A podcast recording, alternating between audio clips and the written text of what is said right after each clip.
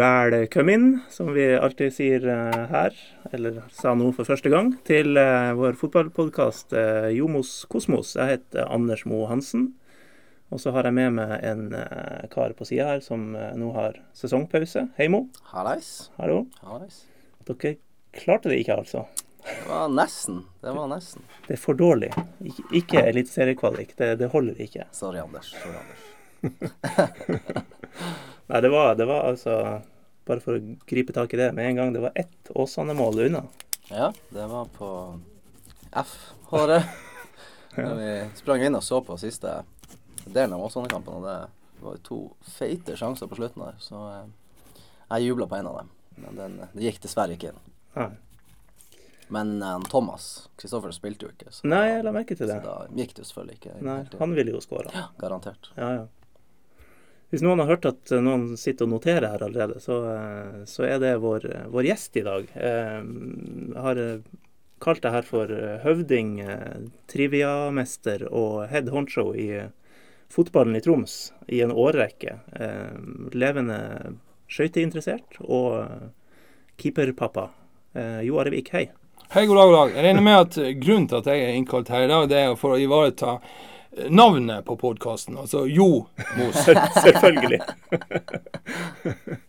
Veldig oppmerksomt og bra. Det, det er godt, for navnet har jo blitt litt uh, forringa på en måte. Men, eh, men nå kan vi Programmet er forsterka uh, gjennom Mos sin inn- inntreden her. Det er bra. Så det, det er bra. Takk, Jare. ja, hei, hei, Jo Nymo. Nei, men Det er flott. Da kan vi i hvert fall eh, vi, vi slipper å, å unnskylde navnet denne gangen. I, dag er det helt korrekt, så det, det er bra, å Are. Um, hvordan går det? Nei, det går eh, bra. Så det her er jo et um, spenningsmoment i hverdagen å bli invitert her. Så jeg ser frem til én time og ett minutt med, med podkast. Men du er ikke helt eh, fersk og grønn på det her. Du, du var jo den, den gamle podkasten FK Fotball, som nå heter Fotballklubben, eh, hadde jo i sin tid FK Fotballigaen her oppe i, i tredjedivisjon Troms. Da, da var du jo med ganske mye. Ja da, ja da. Kanskje ikke så mye fokus inn mot begrepet podkast den gangen, men, eh, men eh, FK Fotballigaen var jo en fantastisk artig stund i lag med Thomas og Alexander. og er Mye artig sammen med deg. Ja. Og utfordrer deg nå på at nå må, nå må uh, Skau og Aune ta seg en tur tilbake til Tromsfotballen, og utfordrer de på en tredagerstur i, i Tromsfotballen i 2019. De var jo oppe her tidligere og hadde et sånt liveshow, men, eh, men eh, vi, vi får sende den videre til eh, Thomas Alexander. Kom De har fått, eh, fått budskapet, så hallo, hallo. 2019 kaller Troms. Det er bra. Ehm, ja, vi var kort innom uh, nesten-greia, eller nesten-greia. Dere har hatt en rekordsesong, eh, Mo. Rekord i antall poeng på, eh, på det nivået med 16 lag, så eh, det er jo bra. Ja, det har en uh, veldig bra sesong. Selvfølgelig er man Man er jo litt skuffa at man ikke får den der sjetteplassen der, men uh, sett i ett så har denne sesongen vært helt fantastisk. Det har vært et eventyr fra start til slutt, egentlig. Og det Selvfølgelig rota vi oss litt sånn bort på slutten der, men eh, vi så jo at vi kan hamle opp med, med alle lagene i denne ligaen her. Og være helt der oppe. Og det Nei, rett og slett det har vært en steinartig sesong. Hva du sier Are? Artig å følge tur i år. Ja, fantastisk artig. Vi snakka litt om det før vi gikk inn i studio her nå. Og, og eh, det er imponerende da som eh, Gaute og hans menn har klart å få til. Eh, at det ikke ble eh, kvalikplass, at det bare var så nær som det var, det, det, det er selvfølgelig eh, kjipt nok. Men eh, sesongen som helhet er, fantastisk, og Tuil skal ha veldig stor ære for det som har skjedd i på fotballbanen i i 2018. og Jeg tror det blir godt å ta med seg inn i 2019-sesongen. og Håper bare at de får bygga videre med de samme folkene og utvikla seg eh, enda noen hakk. Mm. Og ta flere poeng enn en TIL har klart. Men den de vant igjen. Ja, Vi, eh, vi tar med oss den. ja klart. Det er, det, det er bra. Og veldig bra å ikke være i den der nedrykksstriden som veldig mange lag nå er. Må vente 14 dager før det blir en avgjørelse. og Jeg snakka akkurat med en eh, en Bodø-Glimt-mann, og de er nå innafor i den uh, sirkelen der som kan, kan gi nedrykk. og det, det, det er surt og, og, og tøft. Ja. Nå, det var jo, Glimt var jo på en måte med å, å berga plassen til TIL, og de fikk uavgjort borte mot Lillestrøm. Ja, ja. Eh, og det er jo kanskje fikk kanskje til litt lavere skuldre, kunne prøve ut litt ting som de ikke kanskje ville prøvd ut hvis presset var der. og Mm. ja, da går det Ja, det, var, det var bra at det, det ble seier der. Ja. Men det må jo være helt jævlig å gå og vente to uker nå Ja, på å spille den siste kampen. Ja, ja, ja, ja. Ja, hva, hva er greia der, du som er inne i Nei, altså det er jo, det er jo denne internasjonale eh, stoppen i forhold til landskamper nå, da. Og, eh, så det er jo ikke så mye å gjøre med det rent sånn nasjonalt. Men jeg er jo litt enig med Henning Berg, som er, er veldig kritisk til, til det hele. og det er jo blitt de stoppene som er i, i sesongen med de internasjonale periodene. Det påvirker jo både nivå 1 og, og nivå 2. Og ja, jeg vet ikke. Det, det skaper jo en urytme, og spesielt nå før siste serierunde. ikke sant? At du må vente i, i 14 dager. Det, ja, det skaper, skaper en litt spesiell situasjon. og Jeg skulle gjerne ønske at det ikke hadde vært sånn. At det hadde fortløpende å bli ferdig med det. Mm. Ja, ja. Men det må spilles landskamper innimellom òg. ja, det må jo det. Og så er liksom bildet så, så, sånn at eh, du har jo spillere, om ikke de spiller for Norge, så kan det være for andre land. Etter internasjonaliseringen i, Mm. i norsk fotball har jo Og da må vi innrette oss etter det internasjonale systemet. Ja. Nå er vel ikke Lagerbäck veldig ivrig på å ta ut spillere fra, fra Eliteserien, men, eh, Nei, men, men likevel. det- Ja. men som du sier, det er jo det er jo folk fra andre nasjoner Ja. i det hele tatt. Eh, men eh, når den siste runden kommer, da, så, eh, så er det vel, selv om TIL egentlig ikke har noe å spille for, så må vi vel be hele Tromsø om å komme til Alfheim for å takke av Tom Høgli etter en lang karriere. Og det er klart at eh, Tom som den hedersmannen han er, og, og det han har betydd for norsk fotball opp gjennom årene, det er jo eh, fantastisk. Og heldigvis så blir han jo med videre. Sportslig leder i Rein. Fantastisk eh, at han tar på seg eh, sånne oppgaver. Han blir, en, han blir en, en, en person for norsk fotball også i fremtiden. Det er garantert sikkert. Mm. Ja. Sikkert ikke helt eh, Han legges nok ikke helt bort i, i skuffen på Alfheim heller, vil jeg tro. Helt sikkert ikke. Nei. Eh, en annen som, som krets og tilknytta forbundemann og alt sånt eh, Viking rykka jo opp. Mm. det har blitt nevnt at de kan potensielt få en bot for eh, litt spontan glede og banestorming. Det skal vi vel ikke ha noe av, skal vi det? Nei, altså, banestorming er jo ikke det, det Nei, mest jeg, men- populære. jeg, mener, mener en bot skal vi ikke ha noe av. Nei, altså, Sett fra utsida, uten å kjenne detaljene i, det i hvordan storminga foregikk, så, så er det jo litt surt og, og, og Det er litt sånn uh, firkantig. Det oppfattes litt firkantig, utvilsomt. når uh, Men det må, samtidig må det være visse rammer for ting. men eh, La oss håpe at den saken kommer ut på en måte som gjør at ikke det blir noe avstraffelse av Viking. Det, det håper jeg inderlig. Det, det må være lov å, å, å bli litt glad av og til også i fotball når, når sånne positive ting skjer som, som Viking opplevde. Men den fantastiske publikumsoppslutningen de hadde nå i siste serierunde. Ja. Det er vel eh, full konsensus rundt det der. Ja. Ja. Ja. Jeg tenker sånn, hvis, hvis det hadde vært full slåsskamp på 15 000, Jo, jo. så hadde jeg skjønt det. Men det her er jo folk som er glad. Ja. Er også for en, gang, en gangs skyld der det kommer 15 000 tilskuere på en norsk fotballkamp, så Nei, jeg syns det er rart. Altså, det, det er jo litt forskjell på uh, positiv publikumsstorming, banestorming, og negativ banestorming. Det, jeg håper at jeg kan slå ut i denne saken, slik at det ikke, ikke får noe følge. Ja. Eh, kan nevne òg ting som har skjedd. Eh, hadde jo vi, eh, bare for å tute vårt eget horn, som det heter, så hadde jo vi en eh, lokalfotballgalla på fredagen. Eh, som vi sjøl syns gikk veldig fint. Jeg har hørt fra masse folk som har vært der at eh, dette må vi gjøre igjen. Så det skal vi gjøre. Ja, det, det, Selv så var jeg dessverre forhindra for å delta. Jeg måtte prioritere min fars 90-årsdag i stedet for. Men det er stort sett det eneste som går foran noe, noe sånt. Den er godkjent. Jeg tar for det. Men, eh, men eh, det er fantastisk flott initiativ, og, og er med på å løfte breddefotballen. og, og 500 tilstedeværende, det, det er jo eh, ikke noe mindre enn eh, imponerende. Og, og 500 glade eh, fotballspillere, både jenter og gutter, det, det, det er fantastisk bra. og og Det er bare å håpe at dette kan bli en, en gjentagelse. Jeg kjenner jo godt de som har kjørt tilsvarende opplegg i, i Hordaland, i Bergen, i, i noen år. Og, og de hadde visstnok ikke mer enn 200 på sin, sin galla. Og, men, så 500 er fantastisk bra og viser at tromsfotballen eh, trenger noe sånt. Mm. Hva du tenker Mo? Nei, ja, det er en fantastisk eh, ramme rundt hele greia der. Tenkte deg som for en femte-sjette divisjonsspiller.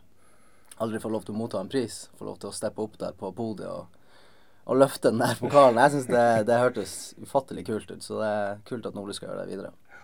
Og i hele tatt så må vi skryte av eh, media i, i Troms eh, og forholdet til breddefotballen. Både Nordlys og de andre avisene har vært veldig flinke å, å, å løfte frem breddefotballen på en, på en, god måte. Både gjennom det skrevne ord, gjennom uh, nettoppslag og gjennom de streamingene som uh, har vært. Så eh, det bidrar til å, å, øke populariteten for fotballen og, og løfte breddefotballen til, til nye høyder. Så så det media i, i Troms er flinke på breddefotball i høyeste grad. Andre ting òg, selvfølgelig, men i denne omgangen da snakker vi om breddefotball. Nå ble det her en veldig fin podkast. ja, ja. Jeg får bare sensurere til slutt. Du, du, får komme flere ganger, bare. takk, takk. um, ja, vi var kort innom den her FK fotballigaen. Ja. Um, var det ett eller to år? Det var uh, to år, med mest uh, tyngde på første året. Ja.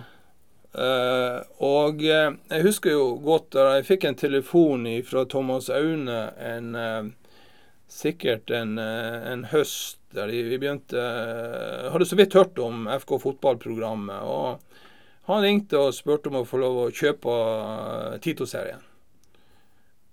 Og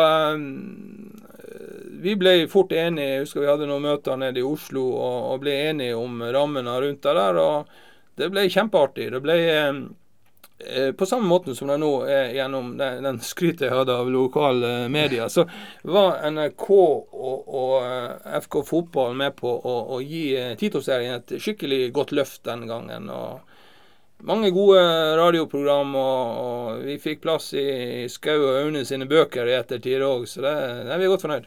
Ja, det er noen år siden nå, men uh, vi følger jo fortsatt med hva Thomas og Alexander bedriver. Og de var jo en tur her i, i Tromsø også på vårparten. Mm. Jeg husker de var og dekka en åpningskamp det ene året mellom Bardufoss og Lyngen-Karnes i eh, kraftig snøvær, og det rista i kommentatorbua. ja, det var et dramatikk uten sidestykke. Det var jo eh, Det kom jo en il iling av en i, mørk byger ned gjennom fjellene oppe på Bardufoss, og plutselig inntok banen. og Jonny Andreassen, eh, som nylig ble kåret til årets dommer på gallaen, han måtte, kunne ikke gjøre annet enn å blåse av kampen. Og folk flykta inn i hallen og inn i garderobene. Publikum, alle sammen. Ja, Det var, det var helt ekstremt. Og, og det, ble, det, ble, en fantastisk radiosak ut av det. Ja, ja. Den ble vel så forsinka at de fikk ikke med seg utfallet Nei. på kampen, tror jeg, til slutt. Nei, det ble eh, Andreas Løvland skåra etter at de var gått av lufta. Ja, akkurat. er det lov å spørre hva koster et tredjevisjonsnavn? Et tredjevisjonsnavn? Altså, vi, vi, har jo hatt, eh, har hatt noen sponsorat rundt eh, tredjevisjon opp gjennom årene. Først så hadde vi jo eh, Diplomi-serien i, i, mange år. Og så hadde vi eh, FK Fotballigaen. Så eh, jeg skal ikke drive noe sånn Det er jo noen år siden det her, da. Men vi Jeg tror hvis vi tar Diplomi-serien Jeg tror på det det lå sånn i 100 000-kronersklassen i forhold til de promis eh, den gangen. og så var det en del eh, i, i, tillegg, men det er klart at her har jo tidobla seg nå. vet du. ja, vi, vi, får se. Vi er ikke fremmed for å liksom ha, ha sponsorat rundt uh, ligaen. Uh, fortsatt uh, det er vi ikke. Og nå ser vi jo, ser vi jo ikke sant, Obos-ligaen, Norsk Tipping-ligaen og, og, så videre. Så det, det, er jo, det, er jo, absolutt Men når vi starta med, når vi med Diplomis-serien, da var det ikke helt stuerent å, å ha det. Uh, da var det faktisk sånn at um, Jeg husker Ivar Egeberg, som var generalsekretær, han sa vi måtte, her må vi, her må vi trå forsiktig, sa han. Og så, det her skrives jo helt tilbake til uh, i 1990. Og vi fikk den første sponsorligaen i norsk fotball, nemlig Tippeligaen. Mm. Og Da kan jeg røpe en hemmelighet hvis lytterne vil. da. Jeg er den første i Norge som fikk fikk konservative Dagbladet til å skrive Tippeligaen i sine spalter. For de første åra var det sånn at media nektet å bruke sponsornavnene. Så eh, Første året så var det sånn at eh, Tippeligaen var førstedivisjon, og så var nest øverste divisjon andredivisjon. Men da fortsatte jo selvfølgelig media fortløpende å kalle det for første og andredivisjon. Så ble det gjort et kunstgrep i år to, altså i 1991, der eh, øverste divisjon het Tippeligaen, og så eh, ble det andredivisjon på nivå to. Og da ble det litt sånn eh, Hvordan skulle de takle det? Så det ble litt mer bruk av tippeliga. Men tilbake til, til temaet. Jeg var den første som fikk Dagbladet til å skrive eh, tippeliga, og det skjedde bare noen få dager etter at tippeliga, første tippeligakampen ble spilt. Første tippeligakampen ble spilt på marinlyst Marienlyst mellom eh, Strømsgodset og Brann. Brann vant 2-0, og Mons Ivar Mjelde skåra begge målene. Bare få dager etterpå fikk jeg Dagbladet til å skrive tippeliga. Men hvordan? Ja, Det er vil quizen. jeg gjerne vite. Jeg har ikke svart på den quizen. Nei, da har det sånn at eh, eh, på den tida så hadde Dagbladet på baksida eh, noen sånne eh, håper å si fødselsannonser. Du skrev om nyfødte og sånne ting. ikke sant? Og da lurte jeg inn Min sønn ble født eh, 26. Eh, eh, april i, eh, i 1990, altså dagen før første kamp i Tippeligaen. Og da lurte jeg inn en tekst der det står at eh, eh, han ble født tidsnok til nå den første kampen i Tippeligaen. Og det var første og eneste gangen Dagbladet brukte begrepet Tippeligaen i 1990. Så så det her, Det har jeg snakka med Esten O. Sæter om i ettertid, og ja, vi er enige om at det var, jeg var først. så det er han Jørgen det er snakk om. Ja, ja. Ja. Hei, Jørgen. Takk, Jørgen. Så det var liksom gjennombrudd for å få sponsoratnavn inn i media. Ja, vi, vi har jo egentlig alle, alle år vært eh, vrang og konservative der. For det, Ja. altså, det var jo Eliteserien, og så ble det Tippeligaen. Nei, det, var, det, gikk, det har aldri hett Eliteserien før nå eh, nylig. Altså Det var fra førstedivisjon og til Tippeliga. Det var i hvert fall en stund sånn på På, på mediamunnet, ja. Ja, ja, så ja, ble det kalt for Eliteserien. ja, men det var ikke noe offisielt navn. Vi holdt på det med Eliteserien, men nå har de jo vært snedige og sneket det inn som, som navnet, da. Ja, ja, ja. da. Men det er jo greit. Det er jo ryddig, ja. i hvert fall. Ja. OK. da, fikk, da fikk vi den historien. Um, sømløs overgang, da. Du tok en quiz på oss her nå eh, allerede. Du er over gjennomsnittet glad i absurd vanskelige quizer. Jeg er jo mest glad i å stille spørsmål. Ja. Er mindre glad i å svare på dem. ja, det, det, det, det, går litt eh, over stokk og stein, og kanskje litt utenom. eh, Det blir litt for mye. eh, Litt på, for spissfindig og Det har vært noe med veiskilt nedover E6 som har fotballnavn og Ja, vi kan Altså, E6 er jo et eldorado for den som er interessert i fotball. Det, det, det, det florerer så, med så mye bra fotball langs E6. Vi kan jo begynne med den best merka fotballbanen i, rundt hele E6. Det har skiltet for så vidt datt ned nå, og banen grodd igjen. Og klubben som spiller der, har ikke spilt på 20 år. Men hvis dere er kjent oppover i Takelvdalen i, i Målselv, før du kommer inn i Balsfjord kommune, så kommer du til eh, eh, til Kalbakken, og opp en sånn skrå bakke hvis du kommer nordover. Så sto det inntil for en par år siden så sto skiltet med blått og hvitt TIFF stadion. Takelvdalen idrettsforeningsstadion. Fantastisk skilt. Heldigvis Nei, dessverre, dessverre så er skiltet datt ned. Jeg har vært og sett på det og lurte på om jeg skal ta det med meg, men det var for tungt å ta i bilen. Nedfor der, 100 meter nedfor, så lå gamle TIFF stadion, som nå er gjengrodd. Du ser ikke at det har vært fotballbane der, men skiltet sto i 20-30 år etter at banen var grodd igjen, og Takelvdalen spilte sin siste kamp. Men ellers, eh, det du vil inn på, er jo på en måte E6 og eh, Saltdalen, ikke sant. Når du kjører nedover Saltdalen, så passerer du med en liten mils avstand, så passerer du to veiskilt. Og de to veiskiltene på venstre side når du kjører sørover, har identiske navn med, eh, med to klubber som har tatt veldig lite poeng på øverste nivå i norsk fotball. Det er faktisk eh, den ene, ene klubben som har identisk navn som det veisk- veiskiltet, har tatt fem poeng på øverste nivå i 1975-sesongen. Og så kommer du til et skilt til som har tatt, eh, tatt tre poeng i 1954-55-sesongen. Da var det jo sånn at du spilte eh, høst-vårsesong i Norge. De to klubbene kommer fra omtrent samme område som de to plassene i Saltdalen. Wow. Jo, først så passerer du Os. Det er, Os tok fem poeng i 1975. Fem uavgjorte kamper. Så kommer du til en plass med campingplass som heter Nordnes. Ja. Nordnes, som du kjenner litt til. Ja. De eh, eh, tok tre poeng, en seier og en uavgjort, midt på 50-tallet. Så Os og Nordnes sine navnebrødre finner du i Saltdalen. Så på å si, bunnen av adelskalenderen i norsk fotball finner du navnebrødre til i Saltdal, med ei mils gjennom avstand. Men det her visste jo du, nå. Seff. Og så, du, så kjører du over Saltfjellet, så kommer du til eh, den plassen i Norge som bare er én konsonant ifra å ha tatt det mest urettferdige FA Cup-mesterskapet i fotballhistorien. Er det Dunderland? Riktig. Ja. Sunderland slo Leeds 1-0 i, i cupfinalen i 73, og det er en katastrofe. Og Derfor så tenker jeg på, på den kampen når eh, vi passerer Dunderland i, ned mot Mo. Dunderland, tenker du da. Dunderland, ja. Ja, Og kommer du ned mot Mo, så blir det en assosiasjon til det her programmet. selvfølgelig. okay. Du er over gjennomsnittet glad i Leeds òg, da?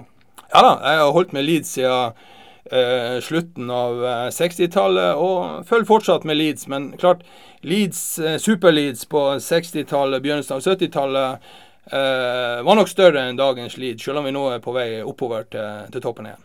Bielsa, han får det til. Forløpende. Bielsa ja, det var jo ikke særlig suksess mot eh, de på de Hawthorns nå, men, men vi, eh, vi skal jo eh, komme tilbake og, og klare opprykk. Jeg må ærlig innrømme at jeg er litt lei Bales allerede. Jeg har en Vegard Lysvold sittende attmed meg i garderoben. Ja. Og han snakker jo nonstop om Bielsa og Leeds for tida. Da skal han bare fortsette med. Altså, vi har en trener òg. Han, han, han er en liten Sigurd Rushfeldt-type. Han eh, heier på de som er best. Oh. Så nå for tida så er det City. Ja, Helstrup, ja. Ja, ja. Så, Ja, ja. så nå ser han jo at Leeds òg begynner å bli litt god. ja Så han vurderer. Han, dem er, han er på gjerdet der. Han er hjertelig velkommen. Ja, ja, han har vel fulgt eh, Guardiola litt sånn. ja da. Han, han følger trenere, ikke Ja, spillere. ja. Nettopp. Eh, ja, vi kunne sikkert bedt deg om å dra frem flere quizer her. eh, Men dikt er også en slags lidenskap, er det ikke det? Jo, det er klart at eh, Det kommer noen av og til. Ja da, vi har jo, vi har jo liksom familiært eh, arvelig belasta i, i forhold til det. da, Så, så eh, både min mor og, og for så vidt min bror er jo litt i, i forfatterbransjen. Og, og min mor har jo skrevet dikt i, i alle år og utgitt bøker eh, i godt voksen alder. Så, så Nei, det, jeg vet ikke hvordan det kommer, men det, det, liksom, det går litt i, i, perioder hos meg. Plutselig så kan jeg skrive ti dikt om dagen, og så kan det gå ti uker til neste gang. Men det er litt artig. og Jeg skriver utelukkende dikt på nynorsk. Ja. Det har med liksom, eh, Jeg er jo oppvokst i nynorsk sammenheng, og, og familien er veldig knytta til, til språket og sånn. Så, så det henger tett i, i sammen der. og Jeg liker det. og kommer sikkert flere dikt etter hvert, men akkurat nå så er jeg inne i en tørkeperiode på diktsida. Det handler om fotball, det handler om uh, samfunn, det handler om de små ting i, i hverdagen. Så jeg får se når jeg får tid, så kanskje jeg gir ut en, en bok. Det må du gjøre. Ja, vi, vi får se. Kan jeg bestille et tueldikt? Ja, det jeg har jeg skrevet noen tueldikt, tror jeg, opp Ja, gjennom historien. Nå har, nå har jeg en bror som har etablert et forlag, så nå har jeg på en måte rammene rundt det klar eh, innenfor familien. Så nå, nå, nå er det bare å gi ut bok. eh, ja. Ja, etter sesong med, med rekordantall poeng og alt sånt, så vi bestiller et tueldikt på Facebook eh, nærmeste Ja, uka. Skriv det opp. ja. Det er bra. Um, men dette burde jeg kanskje vite, men hvor mange år har du, har du nå jobba for fotballen i Troms? Nei, jeg vet ikke om jeg har jobba så lenge, men jeg, jeg begynte i hvert fall eh, i, i 1980. 10. april 1980 begynte jeg sånn på morgen, morgenkvisten. da. Så eh, det har jo blitt, eh, blitt ei stund, det, det har det. Det må jeg bare innrømme. Men nå, nå er det sikkert snart på tide å gi seg. Ja, sier du det? Ja ja, det det går ikke an å holde på i evigheter. Nei da, det, det, det har blitt noen år, men eh, utfordringene har blitt eh, Altså oppgavene har, har forandret seg, og det har stadig vært utfordringer. Så det er fortsatt spennende og interessant å, å være med. Så det, det, Altså ting som, ting som kommer ut av ingenting, og, og, og, og Det mest overraskende jeg har vært med på, det var nå sist helg. Det var jo galla med prisutdeling. Men så fikk jeg på eh, lørdags formiddagen så fikk jeg telefon fra Alf Konrad Wilhelmsen. Mhm. Da altså sto han midt i sentrum. Det har jo vært sånn eh, Tromsø Arctic Pride. Ja. eh, som jo er svært. I, og De siste månedene så har Troms idrettskrets, Tromsø idrettsråd og Troms fotballkrets vært involvert i eh, gode tiltak knytta opp imot det. Samarbeid med, med, med, Pride og bevegelsen rundt det. Vi har teaterforestillingen 'Ingen homo' i andredivisjon. Vi har uh, kjørt fokus i forbindelse med, med, med kamper, bl.a. TIL Molde. Og, og oppfordra eh, hele idrettsbevegelsen da, til å stille opp i, i denne Pride-paraden. Og Det hele endte opp med at vi var blitt tildelt en pris. Ja. Og så under eh, avslutningen på Tromsø Arctic Pride, så ble de tre, eh, inklusive Troms fotballkrets, tildelt eh, eh, eh, Homofrydprisen for Tromsø 20, eh, 2018. Og det er jo eh, jeg, ikke, jeg, må innrømme at jeg ikke hadde hørt om prisen. Og vi ble storligen eh, imponert over oss sjøl, egentlig, og overraska over det her. For den hadde vi ikke sett komme. Nei. Men det viser jo at, at, fotballen og idretten kan være inkluderende. Vi har vært gode på annen type inkludering opp gjennom alle år, men akkurat dette her inn mot pride, øh, homofili, har vi ikke vært gode nok på. Og, og nå, nå, nå, øh, nå, forplikter det jo. Vi har fått en pris, og det forplikter at vi er, blir aktive og gjør en god jobb på det i fremtiden. Ja.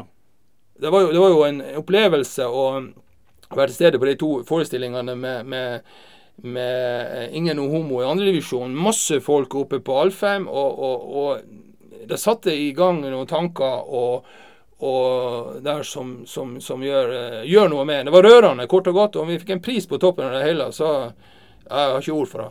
Mm. Ja, jeg syns det har vært uh, Dere har vært veldig flinke på f.eks. den kampanjen Gi rasisme rødt kort og alt det der, der i forhold til rasisme i mange, mange år. Men akkurat det her temaet har han vel kanskje vært litt borte. Men så syns jeg har kommet veldig de siste årene. F.eks. de kapteinspinnene man hadde. Ja. Flagg, Cornerflagget var vel også ja. Så det, det, har vært litt en, Jeg syns det har vært veldig bra i det siste. Ja, nei, altså, og, og vi, vi starta på en måte arbeidet med det her nå i, i, i sommer. Ei gruppe med Alf Konrad og fra idrettsrådet, Øyvind fra idrettskretsen og Veronica fra fotballkretsen. Og, så vi har ikke jobba lenge med det her. Vi har ikke noe sånn voldsom fartstid. Og vi kan veldig lite om det, så vi lærer hele veien. Men når vi nå er blitt prisbelønt etter så kort tid, så, så må vi, så er forplikter at vi gjør en jobbbidrag. Ja, veldig bra. Og gratulerer med pris. Ja, tusen takk. Ja, det er bra. Jeg skrek, jeg, jeg alle, De andre de sang, og jeg gråt. Men eh, opp igjennom de eh, 38 årene, da? Ja, det kan jo bli noe sånt. Ja. eh, så vet jo vi at du sitter på en del både snåle og gøyale historier fra fotballen i Troms. Eh, er det noe som peker seg ut, hvis vi, hvis vi nå tar litt sånn revolverspørsmål? Jeg vet ikke hva, altså, Jeg er veldig dårlig på å huske historier når jeg må huske de. Det, spesielt når jeg sitter foran en mikrofon her, så tror jeg det, det, er klart at det skjer jo hele tida noe. Altså, fotballen er jo et, et oppkom av um, hendelser og historier. Både det som skjer ute på banen, og det som skjer uh, i garderoben, og det som skjer i, i klubbmiljøene, på tribunen og overalt. Så, så, så, fotballen er jo en, en oppkomme av historier. Men men jeg, er ikke noe god å formidle sånne historier. Eh, på, på, kommando. Ikke helt på kommando, men eh, sånn eh, blant annet Altså, dere får jo i kretsen inn veldig mye eh, sånne klagesaker, dommerrapporter, sånne ting. Eh, der må det vel dukke opp litt? Altså, Klassikeren på utvisningsrapporter den er jo for så vidt før min tid i Troms fotballkrets, men jeg, jeg, har jo lest den gang på gang. Klassikeren er fra 1976. Og det, det er på for, For et år det var. Ja, ditt fødselsår. ja. Nei, altså 1976 eh, på Skjervøy. Så er det kamp mellom Skjervøy og Bardu. Og eh, dommer det er Nils Nerheim. Mangeårig eh, formann i fotballkretsen. Jeg tror han var formann også da. Så han var ute og dømte kamp. Nils Nerheim fra Storfjord. På Skjervøy. Og så skjedde en utvisning i kampen. Og den som ble utvist, da kan vi si nå, det har gått så lang tid, ingen ringere enn kanskje den aller største og mest kjente fotballspilleren på Skjervøy gjennom tidene. Som overgår eh, Reidar, Bjørn Nilsen, alle de der, på en måte gjennom sin legendestatus. Jon Karsten Strøm. Ja. Keeperen. Ja, ja, ja. Som spilte til han var 60. som fikk eh, også vært nevnt på FK Fotball. Som Ah, fikk eh, oppslag i lokalavisa da han hadde vært hos frisøren og klippet seg. Ja.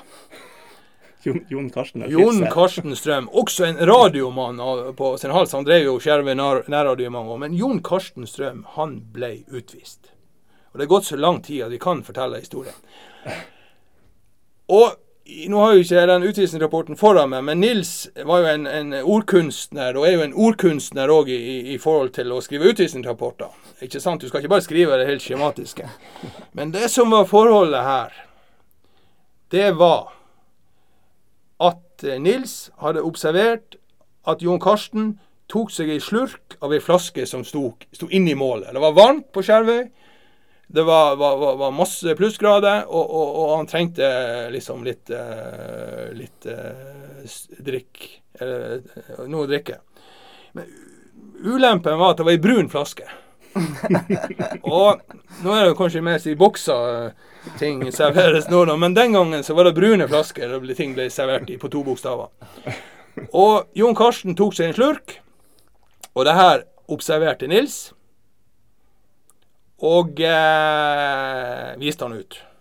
Nå hører det med til historien at eh, Jon Karsten bedyra med, med hånda på hjertet at det var vann i denne flaska, men, men det ble ikke oppfatta som vann. Og dommerens oppfattelse var at her ble det inntatt en type drikk som ikke passet seg på en kamp, og han fikk det røde kortet. Jon Karsten kom sterkt tilbake og er fortsatt eh, Jeg ser ikke bort ifra at han gjør comeback fortsatt på, på Skjervøy.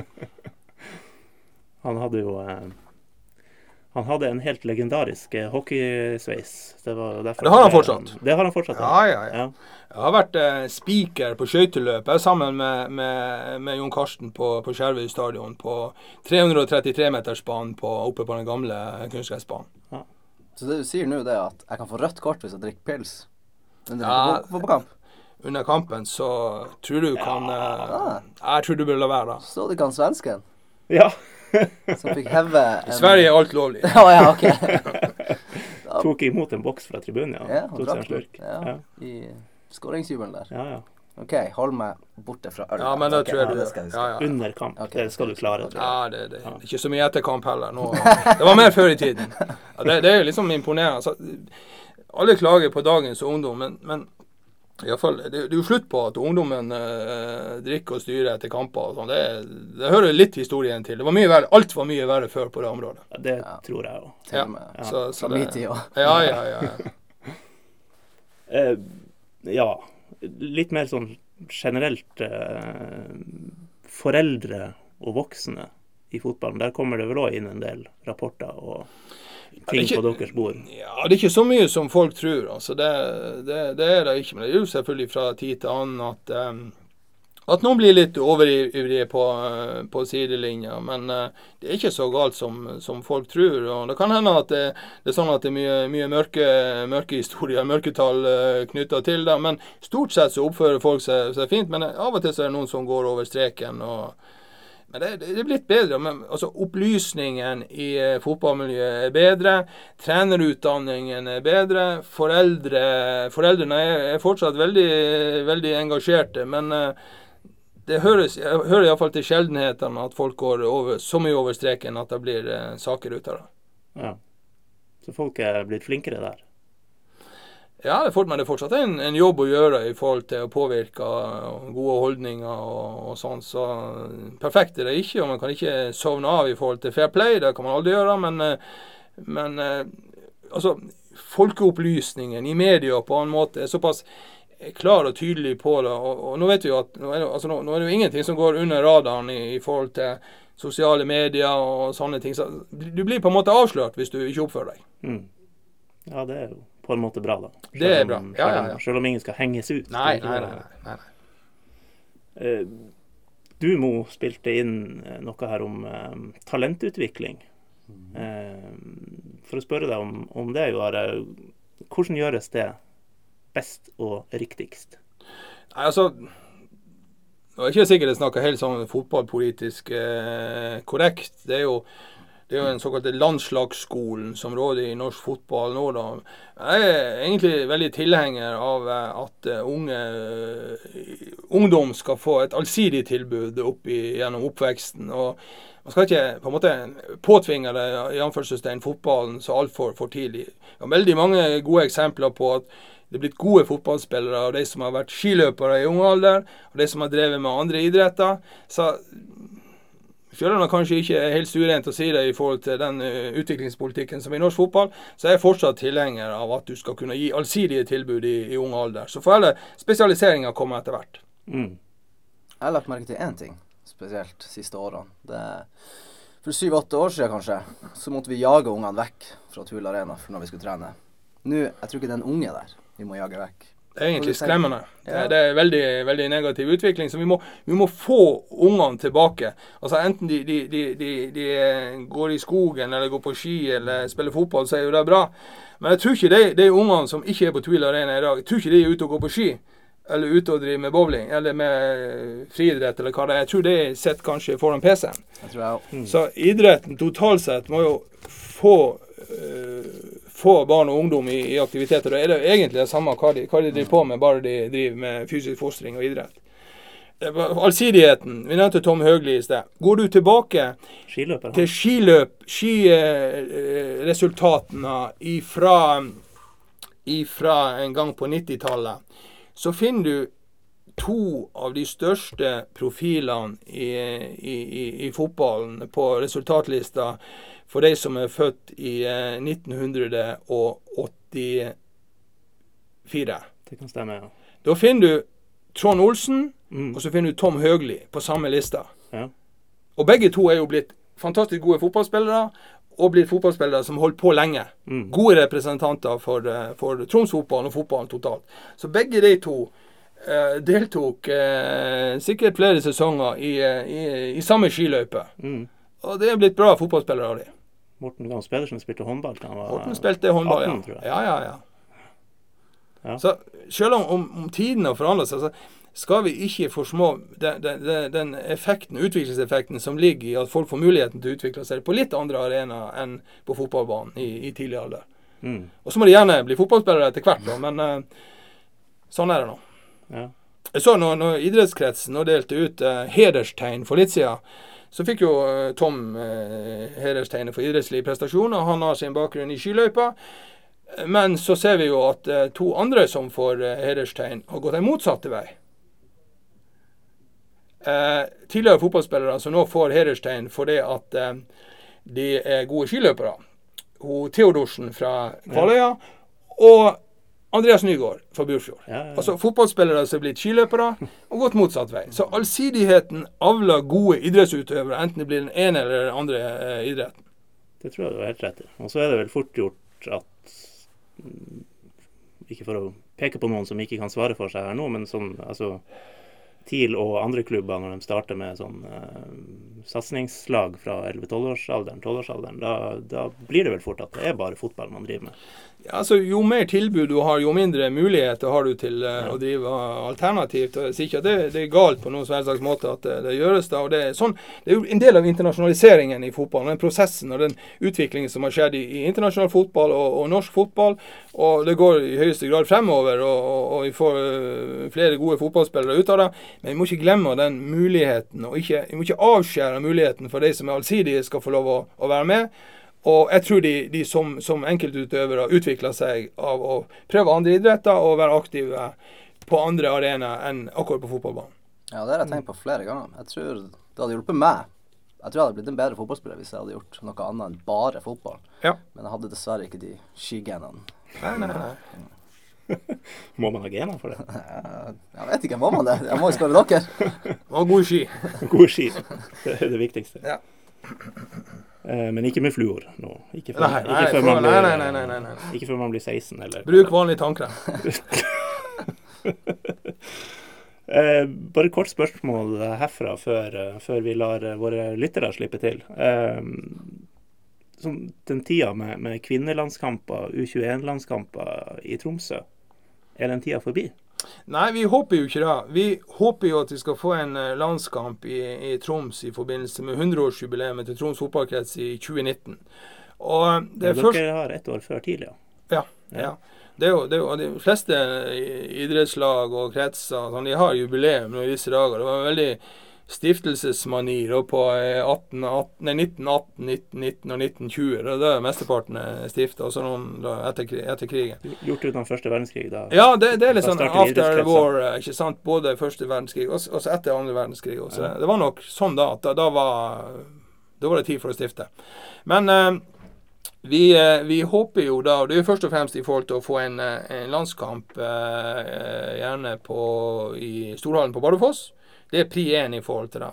Vi har jo hatt noen landskamper opp gjennom årene. Vi har hatt på Alfheim eh, noen både A-landskamper registrert som A-landskamp. Den første mot Sveits i eh, 87.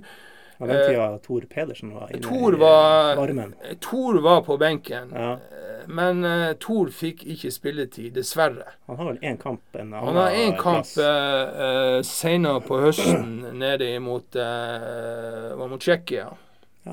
Det ble et sidespor der. Bare- Ja, nei, men sidespor er podkastens fortreffelighet, så det går bra. nei, men tilbake. Altså, vi, vi, den, kanskje den, den, den mest eh, fantastiske landskampen vi har hatt, det var den som gikk på Idrettsheia for J15, eh, J15-landslag for noen år tilbake, med 800 tilskuere i flomlys på høsten. Det var helt fantastisk. Eh, Så vi, vi er veldig opptatt av når vi får landskamp, så er det ikke sikkert det skal gå i Tromsø. Det kan være like bra effekt de har ute i, i, i Troms utenom. Jeg husker jo vi hadde jo Norge-USA for damer. Norge-USA gikk jo eh, på Alfheim i, i år 2000, og da lå jo både USA og Norge i treningsleir oppe ei uke. Vi var, de trente i Dåfjorden, de trente Ja. på Alfheim. Og mm, Per Høgmo og co. hadde de beste forberedelsene før de, de, de ble olympiske mestere. Ja. Og så var det jo Det har vært kanskje flere U21-landskamper. I hvert fall noen med da Bum, Bummen og Roar Strand Ja. drev og styrte der. I 87 så var det, var det mot Sveits, Ja. og det var da Thor var på benken. Eh, dessverre kom han ikke innpå. Eh, det var jo Eggen og Skau Andreassen som trente eh, det som da på en måte var et OL-landslag, men Mm. likevel ble godkjent som A-landskamp.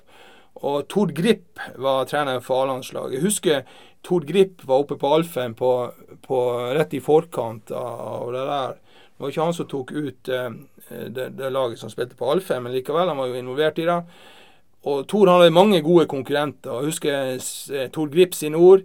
Ni har så mange gode innerbakker i eh, Norge. Og Det var liksom hans forklaring på at Thor måtte stå i køen, men han burde jo absolutt fått eh, spilt den kampen. Det, det kommer aldri over. Men han fikk jo heldigvis en ene landskamp i, i Tsjekkia senere på, på høsten. der da. For øvrig den kampen da Ola By Riise sto i mål og fikk seg en smell. Jeg tror han gikk i rett i, eh, i, eh, i stanga og så ikke ut i ansiktet etterpå. Da uttaler Ola By Riise at han så seg i speilet og sa han heldigvis er jeg gift allerede. og hvem spiller midtstopper i lag med Tor i den kampen? Oi. Har du hint? Eh, ja, det er noe du har på bordet. Pluss E. Og Bryne. Oi. Eh, Er det for lenge siden for meg? Salte, som uh, han eh, Salte? ja. OK. Jeg, jeg så på bordet her. Men her har vi ikke salt.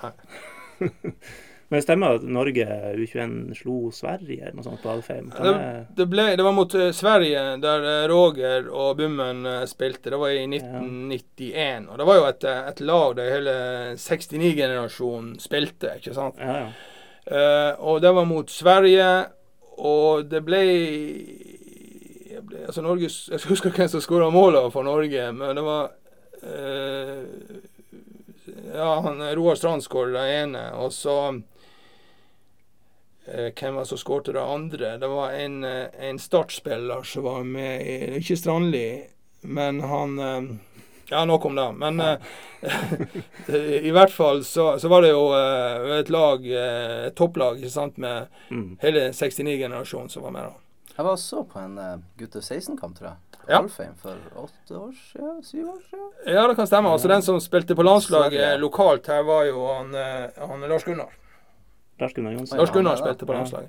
Og så fikk han, eh, han Fredrik eh, Allertsen ble henta inn. eh, Han var med på treninga og fikk, fikk være med i Han fikk jo senere landskamp. Han, fikk ikke, han spilte ikke da, men han ble henta inn og var med på, på treninga. Okay. Ja. Ja. ja. Hm. Skal vi kjøre spørsmål fra lytterne, da? Uh, ja. Jeg tror vi må det hvis vi skal bli ja, ja, ferdig. hvis det er en del av gamet. her, her går praten. I golden! Til Solstad! Et utrolig skåring fra, fra Tromsø! Utrolig skåring! Og 1-0 til Tromsø i stad i tverrliggeren. Og ned på, og inn i golden! Uten muligheter for Arne Amundsen. Hvor langt hold var det? Drillo, var det 275 meter? Hvor langt var det? Vi kan starte med et spørsmål fra um, en som du før sending her sa burde fått uh, gallapris for uh, årets SoMe-mann. Andreas Seipajärvi. Seipa han, han er kronisk på, på sosiale medier. Han burde, han burde på en måte hedres. og Jeg håper ikke at spørsmålene hans ødelegger den innstillingen. Nei, han spør da når klipper Hervik snora og erklærer lister han opp enten Gullegg, Aronsen Arena, Mack eh, stadion, totalrenovering park eh, for åpna.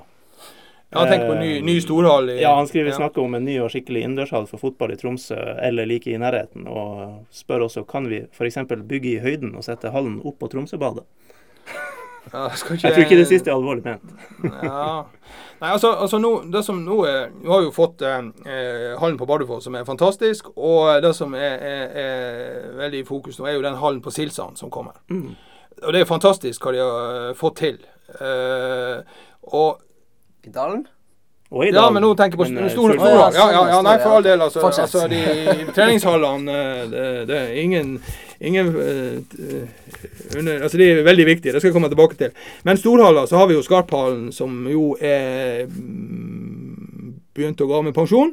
Skulle skiftes underlag der i år? Skulle skiftes uh, underlag uh, Ja, det er Jeg kan komme tilbake til det. det er, vi er underlagt en del sånne kommunale innkjøpsordninger som gjør at byråkratiet mer veldig sakte i, i den saken. Men det kommer nytt kunstgress i Skarphallen. Mm.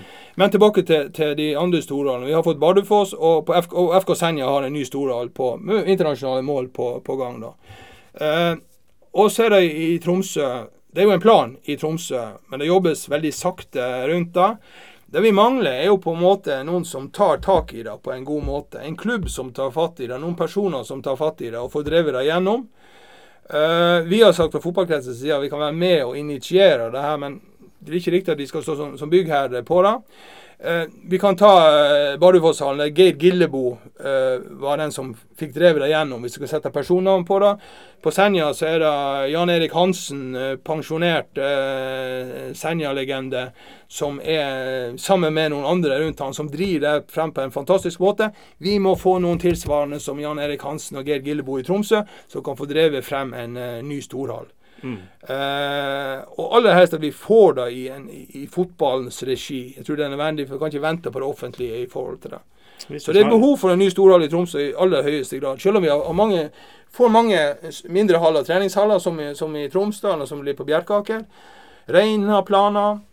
Flere klubber som har planer både i Tromsø og ellers rundt omkring. Og det vil komme sånne 40 ganger 60 meter haller. Og på mange måter så er det kanskje Det er jo veldig viktig å få de, de hallene ute i området. For i aller fleste tilfeller så trenger du ikke 110 ganger 60 for å drive fotballtrening, men du trenger jo da for å, å, å spille toppfotball og ha et alternativ til banen og utendørs sent på høsten og tidlig om våren og vinteren.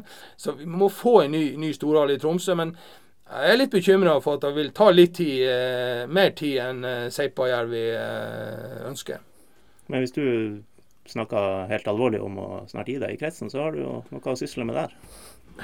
Ja, jeg tror ikke jeg Det, det er ikke helt mitt, eh, mitt eh, du er ikke, Det er ikke jeg god på, så det er andre som er mye bedre, som må komme inn der. Jo Arevik Arena, det, Nei, den, det, den, det vil vi ha. Den vil aldri komme.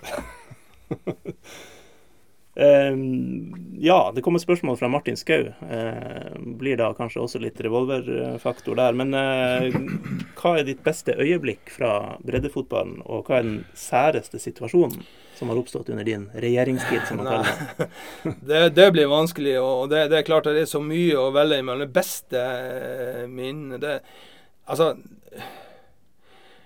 Du kan si det, det er jo Det er jo den enkeltes opplevelse som, som teller. Altså den enkelte um, fotballspillers in, eh, opplevelse som teller. og da er det individuelt. Altså det, er jo, det, er jo, Den enkelte kamp er det jo lyspunkt. Altså når, når en, en, jente og en gutt skårer sitt uh, første mål, når man slår den gode pasningen, når man vinner kampen så det, alt det der er jo, altså alle, alle fotballkamper inneholder store øyeblikk. Mm. Så begynner å måle og dra ut, det, det, det, det klarer jeg ikke på sparket. Det andre spørsmålet, altså mest sære, det var jo kanskje enda mer vanskelig. Jeg kan ta et, et, et en sak som ikke så veldig, så veldig langt tilbake i tid. og Jeg at jeg ønsker ikke å, å henge ut noen i den sammenhengen. Men vi opplevde en gang at en kamp ble avblåst for at dommeren måtte nå siste bussen. det er en reell problemstilling, og vi skal ikke henge ut noen. og ikke, ikke, ikke, ikke på noen som helst slags måte, men vi har hatt et tilfelle der dommeren blåste av kampen for at han måtte nå siste bussen. Men det første jeg tenker på, hadde han ikke sjekka det her på forhånd? Nei. Nei, det Kampen ble avblåst.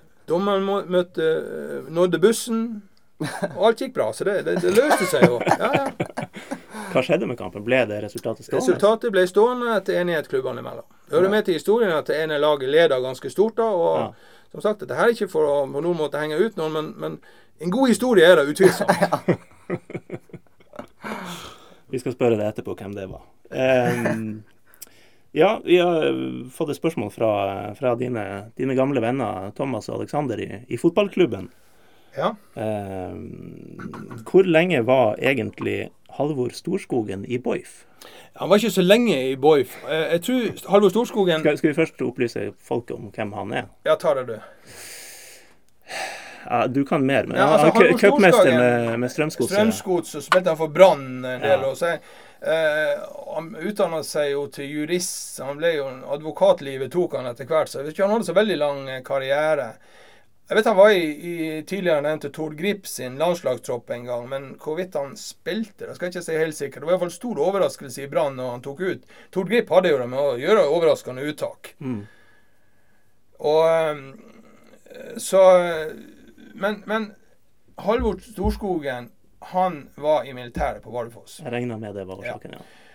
Og eh, han spilte en vinterkamp. Var, på Bardufoss ble det spilt mye vinterfotball på snø og is på den tida. Det var jo før det kom eh, haller. Det var før Skarphallen og før det kom kunstgressbane. Men han hadde spilt på snø og is med ispigger på, eh, på Bardufoss.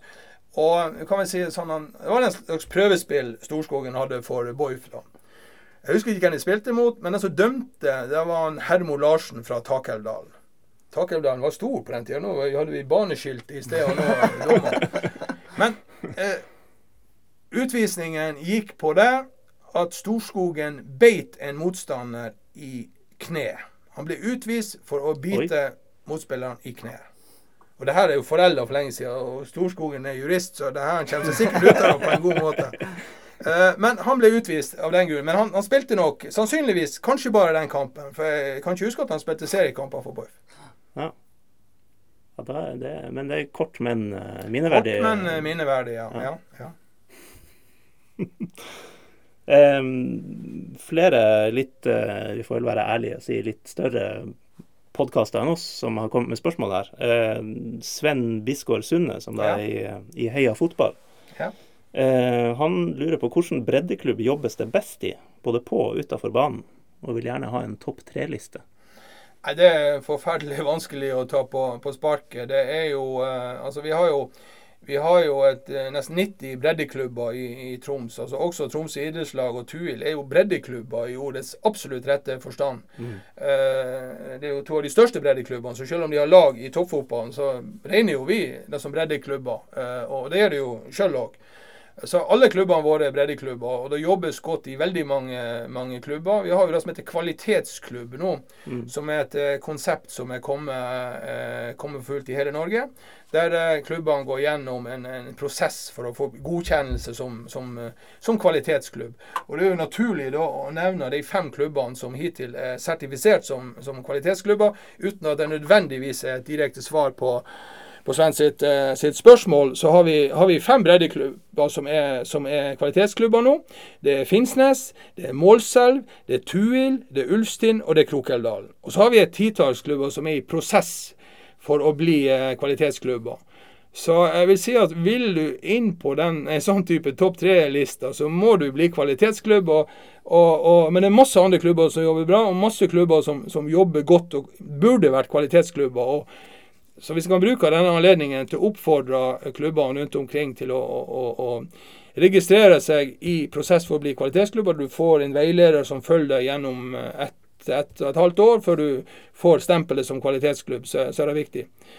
Eh, men, men, det er klubber som jobber godt. Det, det, er klubber i hele Troms som jobber godt. I Nord-Troms jobbes det godt. I Midt-Troms er det en god offensiv, og i Tromsø er det en offensiv. Og de, de klubbene som vokser kjappest i Tromsfotballen for øyeblikket, det har litt sammenheng med, med bosetningen i områdene.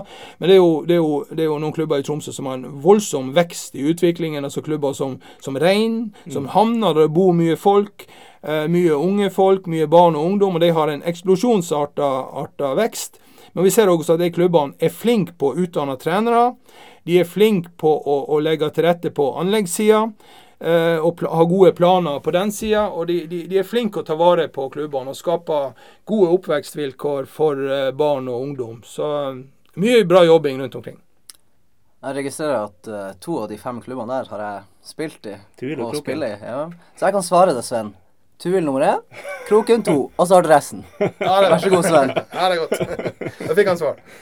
Um, og så regner jeg med at du ikke svarer hvis vi ber deg om en bunn tre her. Ja, bunn tre, den kan vi ta. ok. Ja. Nei, nei, altså det Spør han om det? Nei, han spør ikke. Nå spør jeg. Nei, nei, nei. Vi tar bare lytterspørsmål. Vi tar ikke programlederspørsmål. Um, så er det ingen uh, podkast uten uh, sentralkomiteen på Hatteng skole. De uh, sender inn uh, hver eneste gang. det verdsettes. To, to, spørsmål der, egentlig. eller det blir jo tre, for det første er todelt. Um, hva var kallenavnet på Arvid Lilleng som fotballspiller? Ja, Arvid Lilleng, det var Rivelino korrekt. Og Arvid er jo en, en, en, er jo en, en størrelse i Troms fotball. En, legende i, i, i Troms fotball. Og da, da, må jeg ta skru tida tilbake. Før jeg begynte i Troms fotballkrets. Jeg var i militæret på, på Skjold på slutten av 70-tallet. Og da dømte jeg litt grann, sånn, jeg tror dommeraspirant den gangen. Så jeg dømte litt den, den sesongen uh, mens jeg var i militæret, og, og hadde det sånn at han som var min overordna på velferdskontoret, så jobba Magne Fredriksen. Han var jo leder i dommerkomiteen og en legende dommer, eh, i Dommer-Troms. Så han sendte meg til å være assistentdommer i en kamp i Skibotn mellom Skibotn og Storfjord. Lokaloppgjør i, i femte divisjon. Jonny Fløyli dømte. Uh, uh, Emil Borch gikk på den andre linja, så jeg var jo på en måte en, en smågutt i den store sammenhengen. Men det som jeg husker best fra kampen med mye mygg, det var at Arvid Lilleng skåra på et kanonskudd fra 30 meter. 1-0 til Storfjord. Så tror jeg Skibotn utligna, men jeg er ikke helt sikker. Men skåringen til Arvid Lilleng i den kampen, den sitter klistra på netthinna. Så Arvid er en, en, en, eh, fantastisk han er jo, altså I politisk sammenheng så er jo uh, Arvid en uh, en racer òg. Han har jo vært innom forskjellige partier, hatt egne lister. Men han er, han er en dyktig politiker. Omstridt til tusen, men Arvid Lilleng løfter han opp. Så får vi kanskje informere de under 30 eh, her om at Rivelino var en veldig god brasiliansk fotballspiller som kanskje hadde storhetstida på 70-tallet. Ja. ja. Rivelino var nesten like god som Arvid Lilleng. Så egentlig burde han, Rivelino, gått under kallenavnet Lilleng. Ja. Ja. Uh, det, det, er jo, Arvid er jo onkelen til en spiller som har spilt på relativt høyt plan i, i, både i, i nasjonalfotball og Tromsfotballen. Det er han sikkert. Ja. Som bærer navnet Lilleng? Ja, Jørn Hansen Lilleng. Ja, eh, senest i, i, ja. Eh, i Vard, da. Ja, som har spilt i, i, forskjellige klubber rundt omkring. Ja. Eh, del to her, nå har du kanskje sagt det, da, men hva husker du, hva husker du best fra Storfjordfotballen? Ja, altså Storfjordfotballen på 80-tallet, hvis jeg skal ta i min eh, tid, var jo noe annet enn Storfjordfotballen har vært de siste årene. Det, er, det som kjennetegna Storfjordfotballen, det var uredde, krystallklare og fremsynte ledere som ja, Vi har snakka mye om Storfjord. Vi har Nils Nerheim som var dømt oppe på, på Skjervøy. Vi har Arvid Lilleng, du har Henry Larsen. Du har masse, masse gode. du har fått frem masse gode fotballspillere. Men de har ikke hatt lag de siste årene. Men nå har de fått kunstgressbane på Hatteng. En sist bygde kunstgressbanen i Tromsfotballen som ble åpna rett før, uh, altså i, i september-oktober. Fremtidsutsiktene for uh, uh, Storfjordfotballen er stor. Så vi, vi, kommer få, vi, kommer til å få, nye Arvid Lillenger, nye Steffen Dreiere, nye Rune Kristiansen, nye Jørn Henriksen fremover. Og ikke minst, Storfjord har jo en landslagsspiller som vi har ikke har nevnt. Hvem er det? Ikke se på meg. Ja. Trude Ulriksen fra Storfjord. Senere på, på Fløya. Nå aktiv som, eh, som, trener både i Krokelvdalen og i Tuil. Eh, Trude, som heter Trude Brun og er lege på, på UNN. Hun spilte landskamper eh, for Norge, og har, eh, hun er fra Storfjord, fra en fotballfamilie i Storfjord. Så eh, bare si at det kommer både jenter og gutter opp i Storfjord-fotballen som kan følge i fotsporene til Trude og Arvid for å personifisere det. Her sikrer vi oss en fantastisk overgang til spørsmål to da, fra ja. sentralkomiteen. Når får vi den neste profilen fra Nord-Troms i fotball, og fra hvilken klubb? Navn er ønskelig. ja, altså det er, jo, det er jo profiler fra Nord-Troms-fotballen i dag i fotballen, selvfølgelig. Og, og det er jo eh, eh, altså, Nå har jo fotballen de siste årene i Nord-Troms eh, gjerne stått sterkest på Skjervøy, Lyngen. Nordreisa har jo levert gode spillere. Men det kan like gjerne være en spiller fra, fra, fra Kvænangen, fra Kåfjord eller fra Storfjord. Og Storfjord har jo fått det, det lille ekstra dyttet nå at den kunstgressbanen på Hatteng står, står, klar. Så jeg blir ikke overraska om at det kommer en, en storspiller fra Storfjord i løpet av, av noen år. da. Eh, nå trykker du på de rette knappene hos sentralkomiteen her. Ja, sentralkomiteen trenger uh, oppbacking. Det er bra. Eh, vi runder av med et spørsmål. Du, du fikk et spørsmål her om topp tre i hvor det jobbes best. Men det er et spørsmål fra Levi Gaut. Jeg tror jeg uttaler det rett. Ja. Håper det. Ja. Eh, mest sjarmerende klubblaget i fylket? Ikke vær, ikke vær uh, diplomatisk. Sjarmerende klubblag. Altså, vi har hatt mange sjarmerende lag opp gjennom uh, tidene, ikke sant. Du, du har altså uh, liksom bohemaktig tankegang. man har hatt, hatt Du hadde, Futt og Steady. Du hadde Futt 04, som sikkert han Levi har hatt en viss tilknytning til. Du har Lokomotiv, du har hatt Brygga, du har hatt Altså, det er mange sånne døgnfluelag. Uh, Fut var jo med, eh, Fut 04 var jo med for så vidt uh, i veldig mange år, og, og for så vidt òg flere av de, de nevnte her. da. Men, det er litt sånn, sånn sjarm med de, de, de lagene som på en måte etableres av um, små uh, gjenger. De, de, blir gjerne ikke så, så veldig levedyktige over så lang tid. Det, det som er på en måte de som har levd lengst av sånne type kameratklubber er jo Ishavsbyen, som mm. har holdt ut veldig lenge. da. Men hvem som er liksom den mest sjarmerende, det er hvis vi tenker i den kategorien det, Jeg regner med han håper at vi skal lande på uh, FUT 04, men uh, og det, det, hadde, altså det, er jo, det er jo fantastisk. Uh, kampreferatene til Ronny Bratten fra kampene til FUT 04 var jo helt fantastiske. Ja. og En opplevelse i seg sjøl, så det gir et ekstra pluss uh, i margen for den klubben. Som ikke, ikke, er med lenger, men som hadde, hadde ei stor tid på fotballbanen. Ronny som nå strever hardt i Ulsfjord. Strever hardt i Ulsfjord, ja. men han er en fantastisk eh, bidragsyter til eh, breddefotballen. og og det er også å løfte breddefotball, løfte breddefotballkulturen. Fortelle og sette ord på ting som, som gjør at uh, fotballen i Ulsfjord vokser. Jeg var, jeg var, på kamp i Ulsfjord, på kamp mellom uh, Ulsfjord og Valhall her i, i, sommer, i august. og Det er en opplevelse i seg sjøl å være på, på banen i Lakselbukt med, med, de majestetiske fjellene, med publikum som er til stede, med, med atmosfæren rundt eh, kampen. og det, det, anbefaler alle å ta seg en tur til Lakselbukt eh, gressbane i løpet av uh, neste sesong. Det, det, er en av de få gressbanene som, som brukes, og det i seg sjøl er jo en attraksjon uten like. Altså, Måten du tas imot på, måten eh, hele bygda stiller opp bak Ulsfjord sportsklubb, er imponerende. Ronny som trener får på for all del at han har en sesong til. Jeg syns i hvert fall Lokomotiv Tromsø var et artig bekjentskap. Og de avslutta jo med stil, med, med liksom å gi kassen til et eh, godt formål. Og så Lokomotiv, veldig bra. Ja, der er jeg inhabil som gam- gamlefar i gjengen i et, Ja, par- ja, år. Men, eh, ja. men ja, det var en fin, fin gjeng, det der. Men da eh, tror jeg vi runder av med de ordene der. Eh, takker veldig mye for at du kom, Joare. Det, det, det var ikke vanskelig å få praten til å gå, i hvert fall. Nei, nå må, nå må vi kutte det som må kuttes ut, og så gjøre nye opptak. Det som må gjøres opp igjen. Ja, vi, vi, vi får se på det. Men eh, dere er ferdig, det meste er ferdig. Det er landslagspause. Vi- Vi får se om vi er tilbake før den siste eliteserierunden. Hvis ikke Gå og se på han Tom sin siste fotballkamp. Gå og klapp for Tom Høgli, for det fortjener han. Absolutt. Og alle fortjener også å få høre om Jomos Kosmos, så eh, spre ordet på Facebook og Twitter, og, og eh. Lik og del. lik og del, som noen sier. Snakkes! Ha det. Hi, Philip. Great match today. Congrats, 30 years. Have a nice Saturday. Congrats again. Have a nice evening. We take them all.